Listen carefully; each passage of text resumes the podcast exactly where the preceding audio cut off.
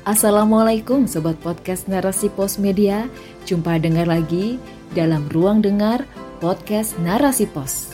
Narasi Pos, cerdas dalam literasi media, bijak menangkap peristiwa kunci. Bersama saya Sofia Aryani dalam rubrik Syiar. Dengan judul Syariat Islam membawa rahmat bagi semesta alam oleh Umu Ainisa.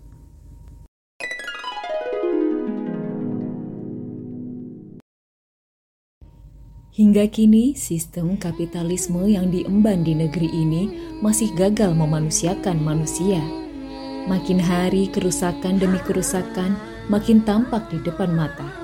Realitas membuktikan dengan diadopsinya sistem kapitalisme membuat negara tampak aburadul, tak karuan, parah, dan mencemaskan. Tindak pidana korupsi makin menjamur, sumber daya alam melimpah yang harusnya untuk kesejahteraan rakyat hanya dimiliki oleh segelintir orang, sementara rakyat tetap hidup dalam kemiskinan, gizi buruk, dan kelaparan.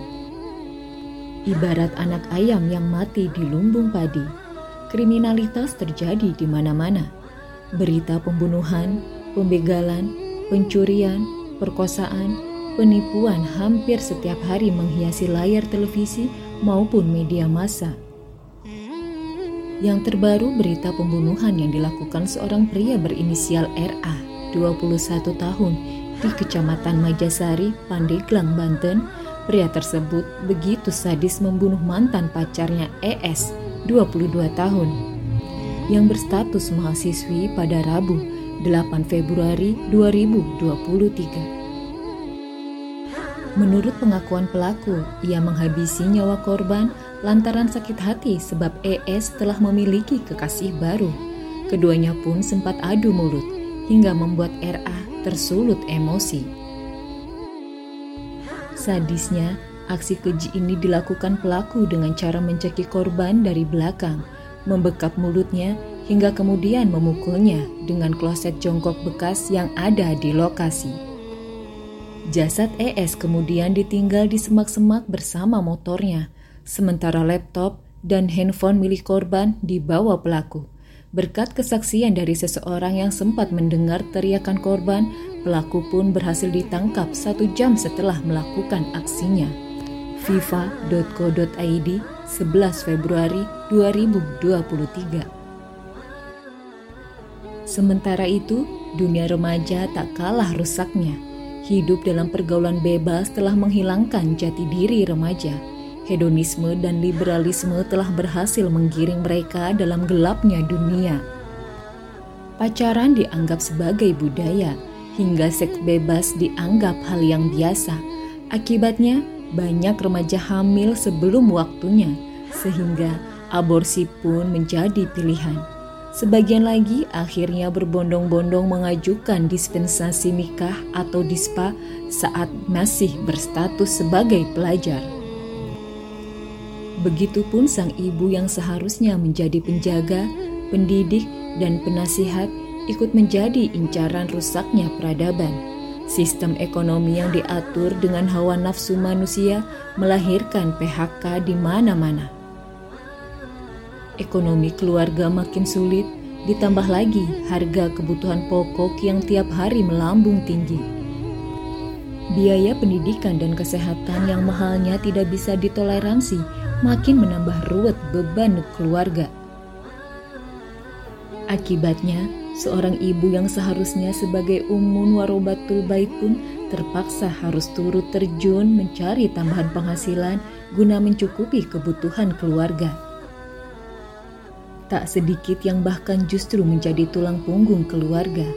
Bahkan bagi mereka yang tidak kuat iman dan tidak bisa menerima keadaan, rela mengajak serta anak-anaknya untuk memilih jalan pintas dengan bunuh diri, dengan alasan menyelamatkan anak-anak dari pahitnya hidup.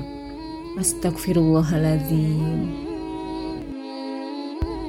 Kekacauan demi kekacauan bukan hanya dirasakan di negeri ini, melainkan dialami oleh hampir setiap negara di dunia. Hal ini tersebab pelaksanaan hukum di semua negara memiliki banyak kelemahan atau kekurangan. Ideologi kapitalisme yang disebarluaskan oleh negara-negara barat masih mendominasi seluruh dunia hingga saat ini. Asas dari ideologi ini adalah sekularisme atau pemisahan agama dari urusan kehidupan.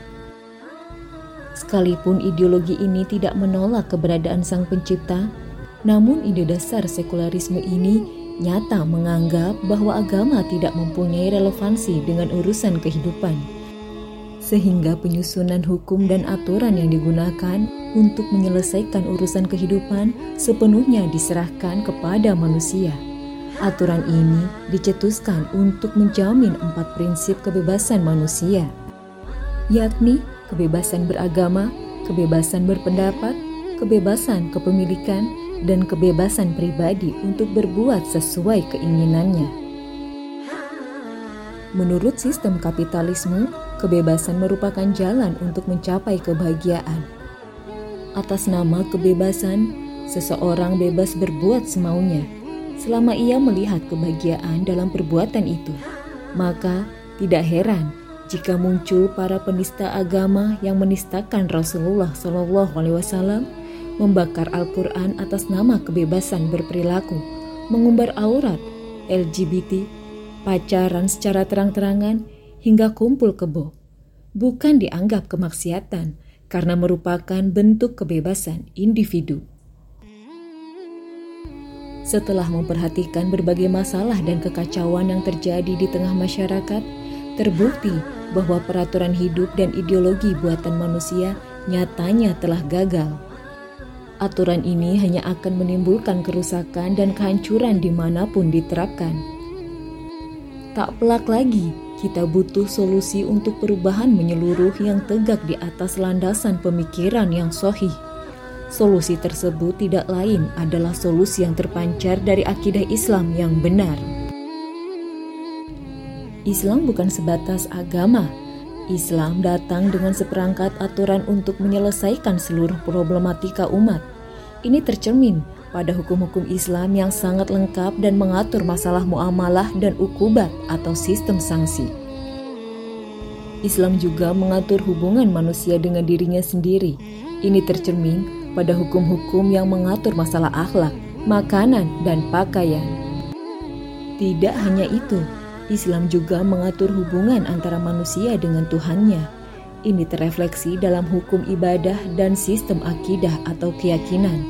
Allah Subhanahu wa taala menegaskan dalam Al-Qur'an surah An-Nahl ayat 89 yang artinya Dan kami telah menurunkan kepadamu Muhammad kitab Al-Qur'an untuk menjelaskan segala sesuatu dan sebagai petunjuk dan rahmat dan kabar gembira bagi orang yang berserah diri. Dari sini, maka seorang Muslim harus yakin seyakin-yakinnya tanpa keraguan sedikit pun bahwa apa yang diturunkan oleh Allah Subhanahu wa Ta'ala, zat pengatur kehidupan, sudah pasti membawa rahmat dan tidak akan pernah menimbulkan mudorot. Tatkala manusia dalam kesesatan dan kebingungan pada masa jahiliyah, Allah Subhanahu wa taala mengutus Sayyidina Muhammad sallallahu alaihi wasallam. Beliau menjelaskan jalan meraih pahala, membedakan halal dan haram dan memenangkan hukum syariat Islam dengan menerapkannya langsung dalam sebuah negara tatkala beliau hijrah ke Madinah. Hal ini bukan hanya berhenti tatkala beliau wafat, namun langsung dilanjutkan oleh para sahabat dan generasi setelahnya Hingga sejarah mencatat, dua per tiga dunia gemilang di bawah naungan syariat Islam selama lebih dari 13 abad lamanya.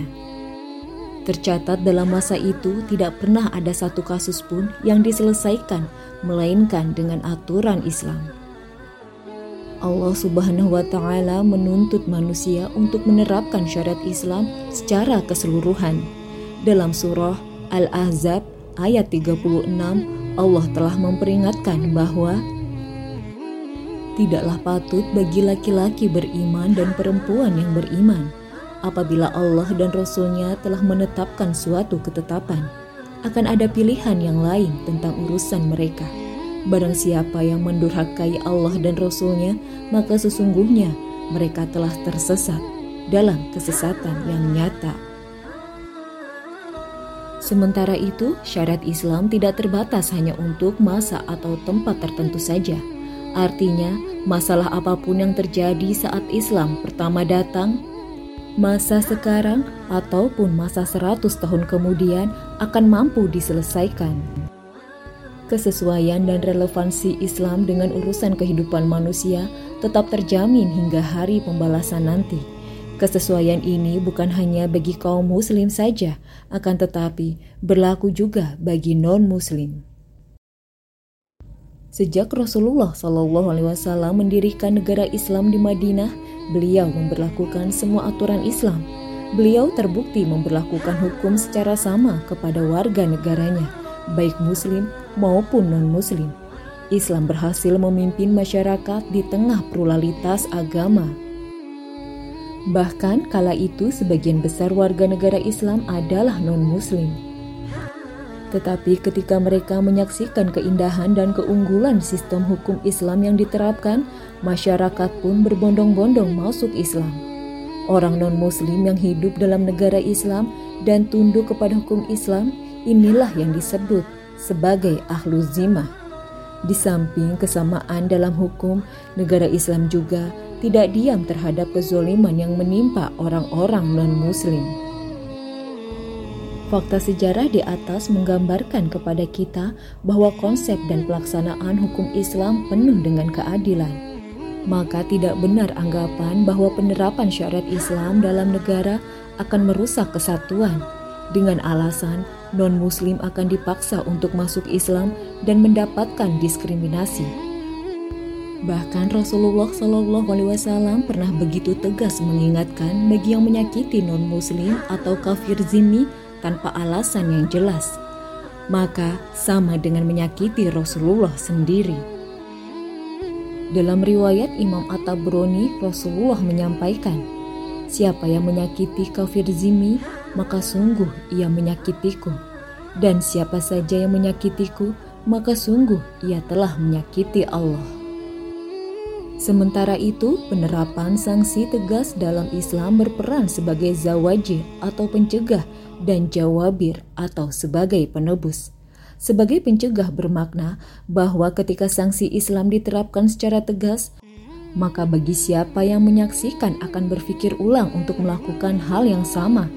Sedangkan sebagai penebus, maknanya bahwa siapa saja yang melakukan tindakan kejahatan dan telah dihukum oleh seorang khalifah di dunia dengan hukum Islam, maka kelak di akhirat ia terbebas dari dosanya. Kalian berbaiat kepadaku untuk tidak menyekutukan Allah dengan sesuatu apa pun, tidak mencuri, tidak berzina, tidak membunuh anak-anakmu, tidak berbuat dusta yang kalian ada-adakan sendiri, dan tidak menolak melakukan perbuatan yang ma'ruf. Barang siapa yang menepatinya, maka Allah akan menyediakan pahala. Dan barang siapa yang melanggarnya, kemudian ia dihukum di dunia, maka hukuman itu akan menjadi penebus dari siksa akhirat baginya. Dan barang siapa yang melanggarnya, kemudian Allah menutupinya atau lolos dari hukuman dunia, maka urusan itu diserahkan kepada Allah. Jika Allah menghendaki, maka Dia akan menyiksanya, dan jika Allah menghendaki, maka Dia akan memaafkannya. Hadis riwayat Bukhari dari Ubadah bin Samit. Demikianlah keadilan dalam penerapan sistem Islam bukan bertujuan untuk menghukum manusia sebanyak-banyaknya, akan tetapi keadilan dalam Islam bertujuan untuk melindungi hak-hak dan keamanan bagi masyarakatnya. Dengan penerapan sistem yang adil secara menyeluruh ini, sudah pasti akan membawa rahmat bagi seluruh alam semesta. Wallahu a'lam bisawab.